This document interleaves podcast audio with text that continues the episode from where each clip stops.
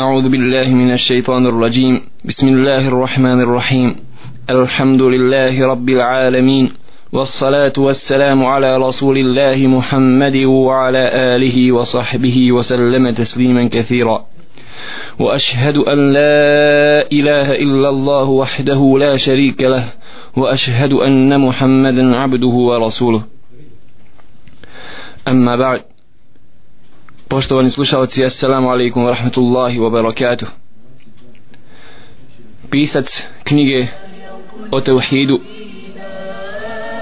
je spomenuo poglavlje koje govori o usamljenosti vjere, odnosno poglavlje koje govori o tome da će sljedbenici tevhida biti uvijek manjina i da će ova vjera biti uvijek na pojedincima i to je ono što je rekao Allahu poslanik Muhammed sallallahu alaihi wasallam. Beda il islamu gariba wa se jaudu gariba wa tuba lil uraba islam je počeo na pojedincima i vratit će se na pojedince a blagoli tim pojedincima. Jeste dragi brate i sestro treba da znaš ti koji se opredijelio da ideš putem tevhida putem jednoći Allaha subhanahu wa ta'ala. Da obožavaš Allaha jalla še'nu. Da uzmeš Allaha za svoga gospodara i Muhammeda sallallahu alaihi wa sallam za poslanika. I Kur'an kao svoju knjigu. Treba da znaš da ćeš uvijek biti manjina. Da ćeš uvijek biti pojedinac u svom području gdje živiš. Jer ovo je stvar sa Allahom subhanahu wa ta'ala vjerom. Zato je imam i Bukharija rahmetullahi alaihi kako kažu islamski učenjaci komentarišući njegov sahih odpočeo svoju knjigu najvjerodostojniju knjigu nakon Kur'ana Allahove subhanahu wa ta'ala knjige odpočeo sa hadithom od Omer ibn Khattaba radijallahu ta'ala anhu innamal a'malu bin nijat da se djela cijene prema namjerama. A ovaj hadith jeste hadith koji se zove u terminologiji haditha garib odnosno pojedinac. To jest da se on u svakoj generaciji koja ga prenosi prenosi samo sa jednim ravijom jednim prenosiocom haditha i završio je svoj sahih imam i sa hadithom poslanika sallallahu alaihi wa sallam kelimetani hafifetani ala lisan. Da dvije riječi koji su lagane na jeziku a teške na mizanu subhanallah wa bihamdi subhanallah azim u terminologiji također haditha jeste galib hadis pojedinac. Kako bi preveli to na naš bosanski jezik. Kažu islamski učenjaci komentarišući zašto je imam i Buharija otpočeo svoj sahih sa hadithom koji je galib i završio svoj sahih sa hadithom koji je garib kažu zbog toga što je rekao Allahu poslanik sallallahu alaihi wa sallam počeo je islam na pojedincima i vratit će se na pojedince i blagotim pojedincima i onda je pisac knjige o tevhidu spomenuo riječi Allaha subhanahu wa ta'ala a yushrikuna ma la yakhluqu shay'an wa hum yukhlaqun ولا يستطيعون لهم نصرا ولا أنفسهم ينصرون لكاج uzvišeni Allah subhanahu wa ta'ala zar oni pridružuju Allahu subhanahu wa ta'ala ono što ne može stvoriti ništa odnosno što je samo stvoreno wala yastati'una lahu nasra. Niti mogu oni pomoć nekome nešto niti sami sebi mogu pomoći i ovako uzvišeni Allah subhanahu wa ta'ala u ovom kuranskom ajetu potvrđuje jednu stvar a to je da ne može se obožavati ništa mimo Allaha subhanahu wa ta'ala i navodeći ovdje četiri uzroka četiri razloga zbog čega obožavanje Allah, nekoga drugog mimo Allaha subhanahu wa ta'ala biva ništavno odnosno nemoguće. Treba da razmišliš dragi brate i sestro ova četiri razloga koja uzvišni Allah subhanahu wa ta'ala ovdje spomenuo a to je da druga božanstva mimo Allaha subhanahu wa ta'ala ne mogu ništa stvoriti. Pa kako onaj koji ne može ništa stvoriti kako može zaslužiti da biva obožavan mimo Allah subhanahu wa ta'ala?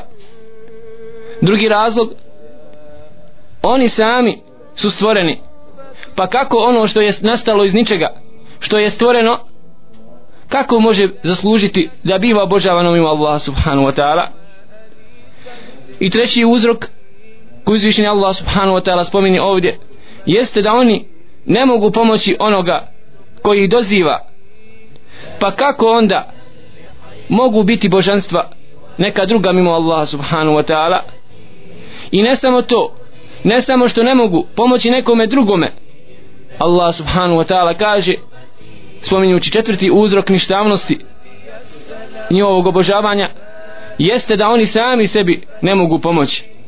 Zato dragi brate i sestro ako shvatiš ovu stvar onda treba da se okreneš Allahu subhanahu wa ta'ala obožavajući njega jednog jedinog pa makar bio pojedinac na ovome dunjaluku pa makar osjećao usamljenost zbog svog hijjaba zbog svog hijjaba ili zbog svog namaza ili općenito zbog svog ispovjedanja iskrene vjere Allahu subhanahu wa ta'ala.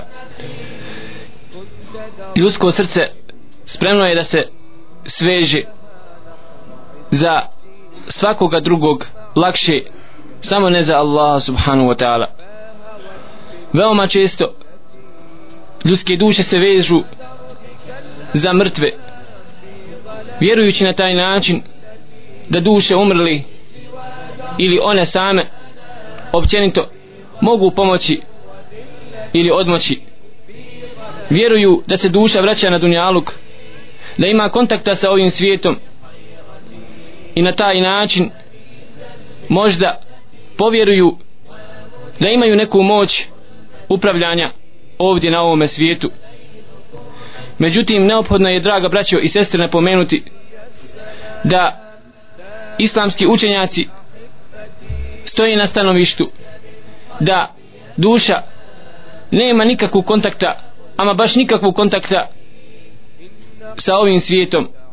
Kako kaže uzvišeni Allah subhanahu wa ta'ala ومن ورائهم برزخ إلى يوم يبعثون yub'athun a iza njih iza ljudi nakon što duša izađe iz njihovih tijela jeste berzah.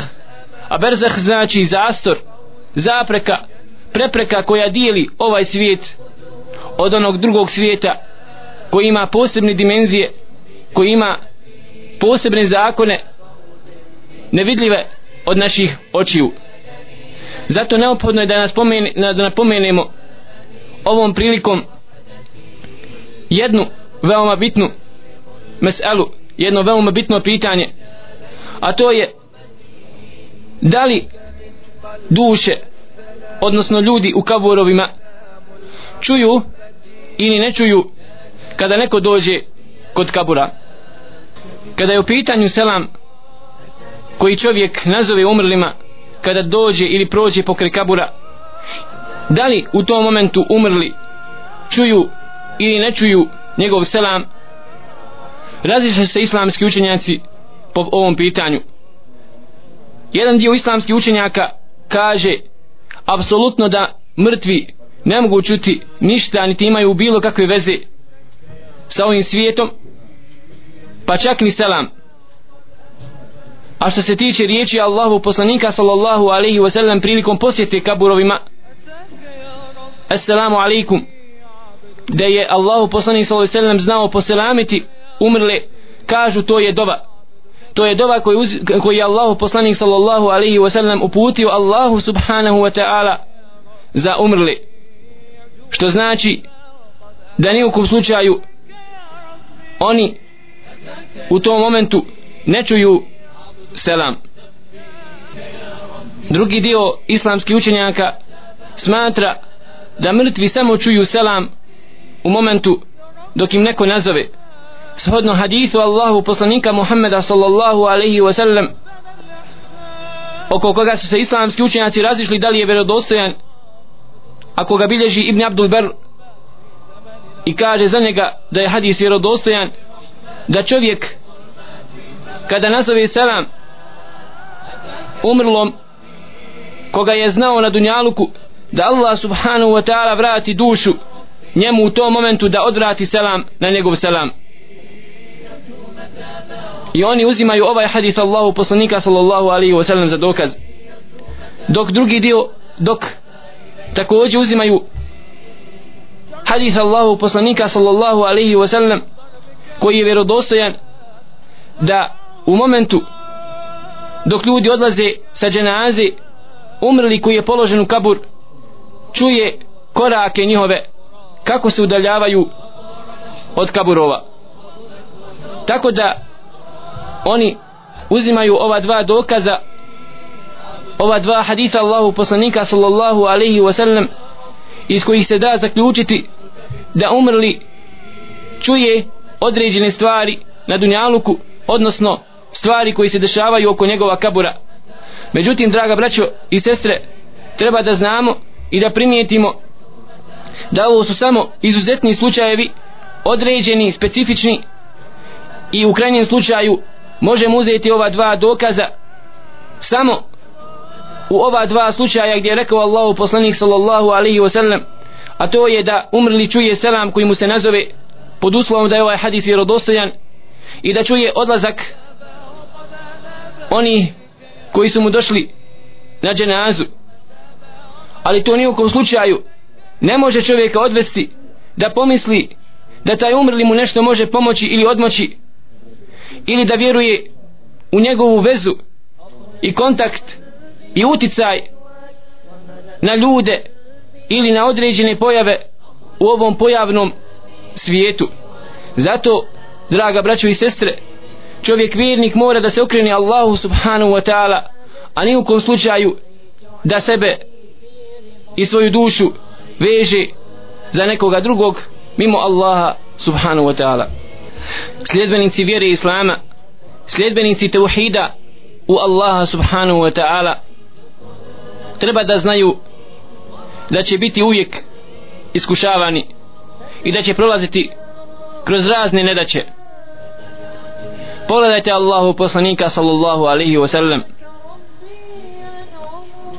وفي الصحيح عن انس رضي الله تعالى عنه قال شج النبي صلى الله عليه وسلم يوم احد وكسرت رباعيته فقال كيف يفلح يفلح قوم شجوا نبيهم فنزلت ليس لك من الامر شيء تكاج انس رضي الله تعالى عنه دين دان احد Allahom poslaniku Muhammedu sallallahu alaihi wa sallam bila povrijeđena glava i da mu je bio slomljen donji sjekutić. Allahu poslanik Muhammed sallallahu alaihi wa sallam kao najodabranije stvorenje i kao najdraži stvorenje Allahu subhanahu wa ta'ala pogledajte zbog tevhida zbog islama zbog vjere u Allaha subhanahu wa ta'ala nije mogao proći bez iskušenja što je obećanje od strane Allaha subhanahu wa ta'ala sljedbenicima ove vjere da moraju biti iskušavani i da moraju prolaziti nedaće na putu teuhida na putu ispoljavanja jednoće prema Allahu subhanahu wa ta'ala. Zato dragi brate i sestro treba da znaš kad ne da će dođu da je to ono što je uzvišeni Allah subhanahu wa ta'ala obećao vjernicima.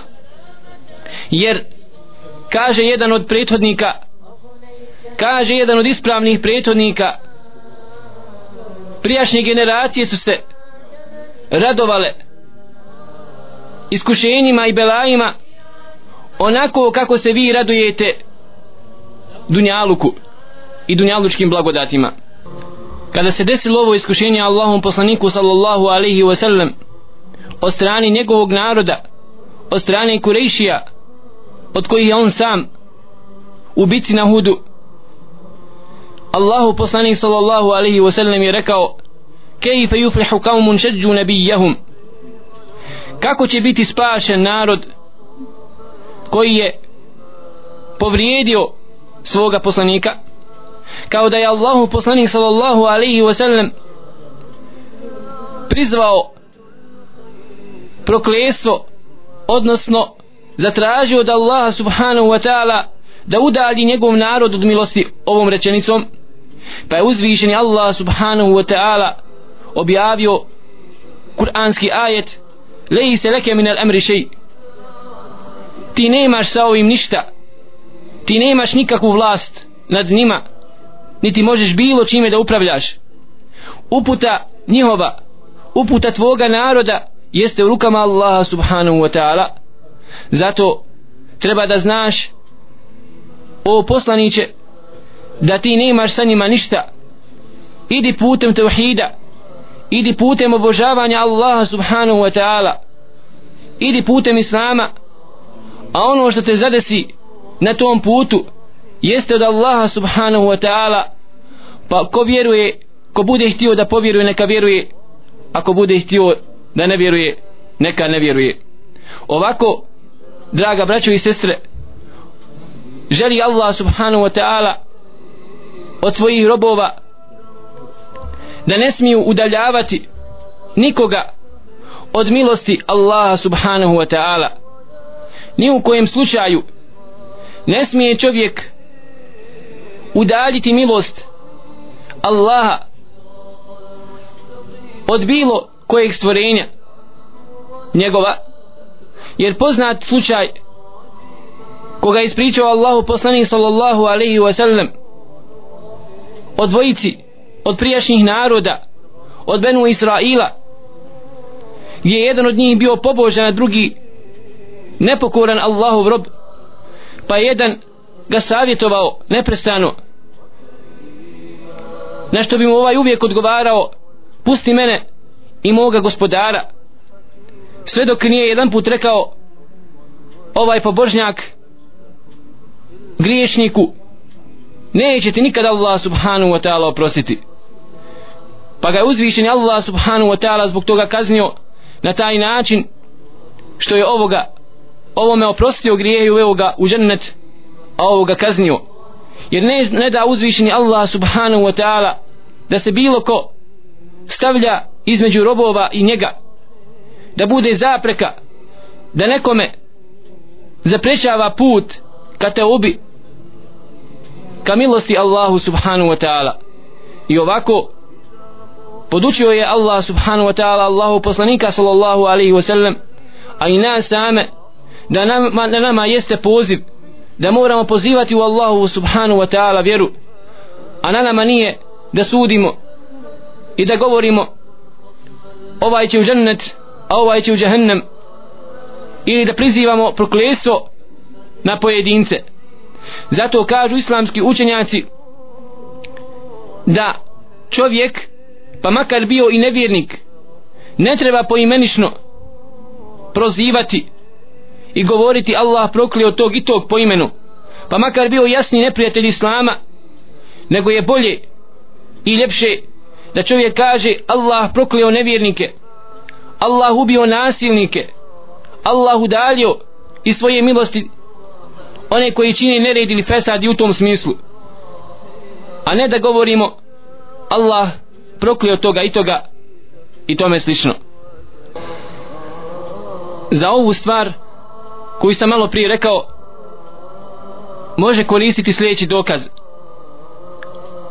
Od Amera radi Allahu ta'ala anhuma أنه سمع رسول الله صلى الله عليه وسلم يقول إذا رفع رأسه من الركوع في الركعة الأخيرة من الفجر اللهم لعن فلانا وفلانا بعدما يقول سمع الله لمن حمده ربنا ولك الحمد فأنزل الله ليس لك من الأمر شيء.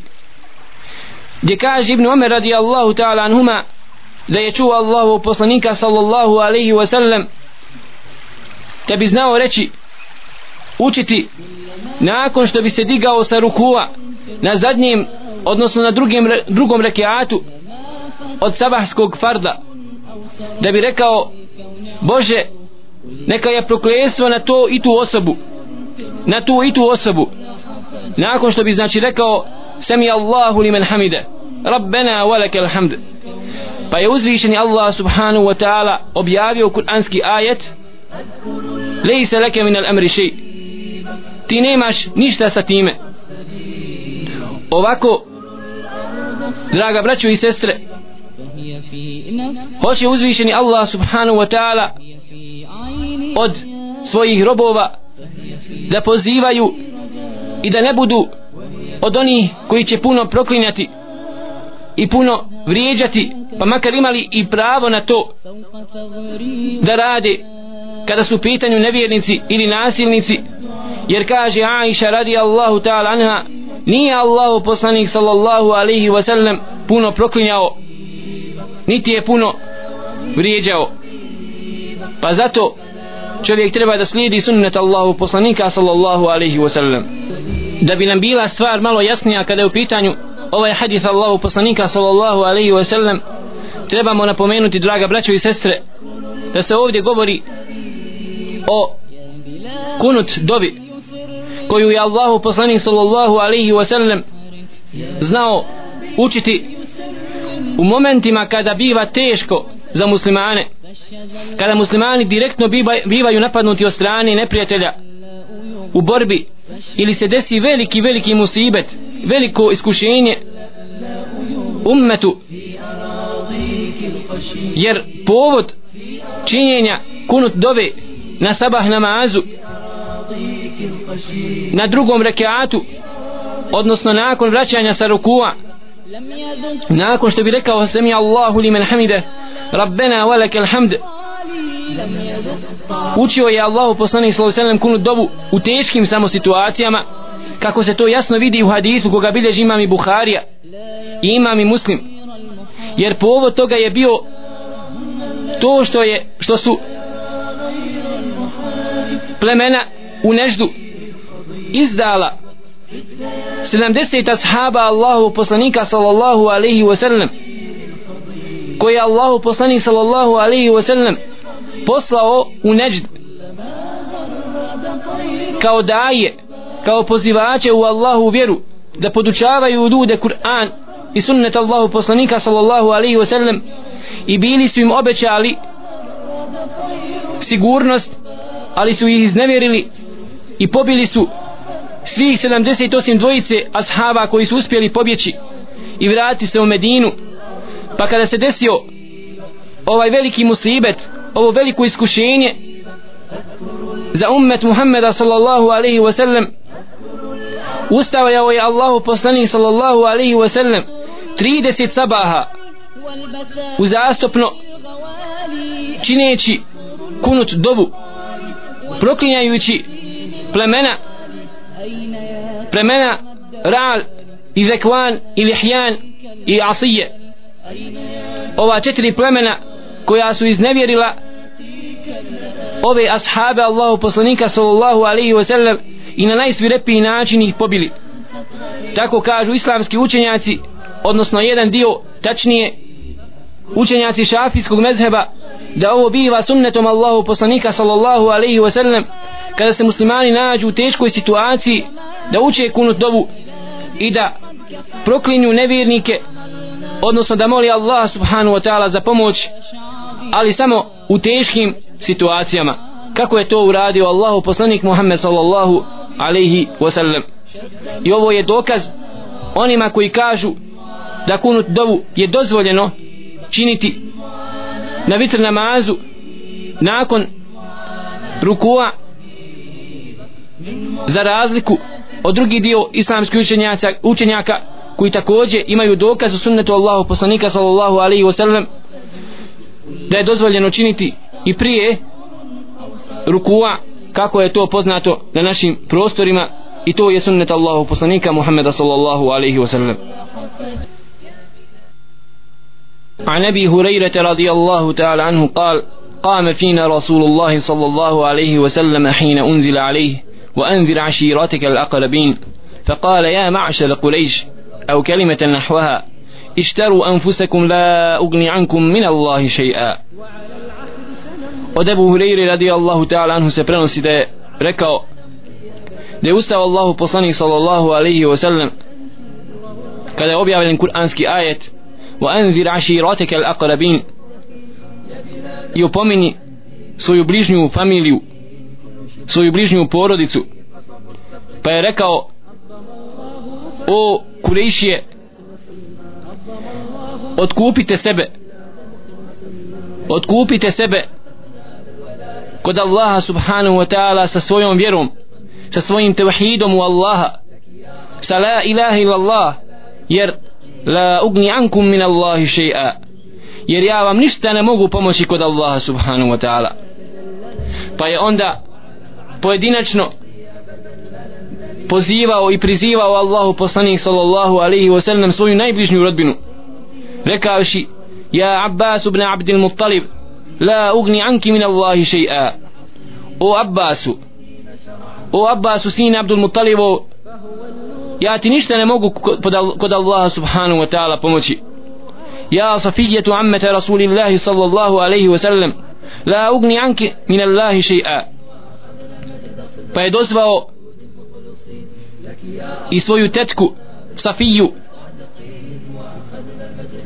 O Safijo tetku Allahu poslanika Muhammeda sallallahu alaihi wa sallam.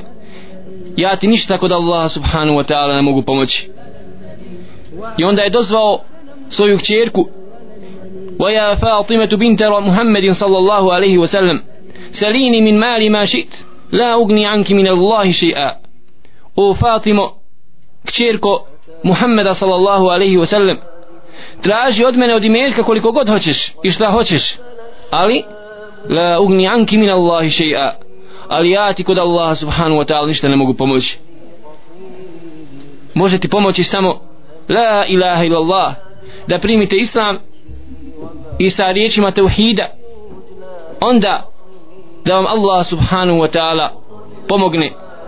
Ovako draga braćo i sestre ovako je krenuo Allahu poslanik Muhammed sallallahu alaihi wa sallam kao prvi musliman u tom momentu u tom vremenu da poziva ljude u tevhid da poziva ljude u la ilaha illallah i da objasni ljudima draga braću i sestre da on ne može nikome ništa pomoći niti odmoći niti se može zauzeti za nekoga bit mu šefaađija ako ne bude musliman ako ne bude prihvatio tevhid ako ne bude prihvatio islam ako ne bude prihvatio Allaha subhanahu wa ta'ala jednog jedinog u svome ibadetu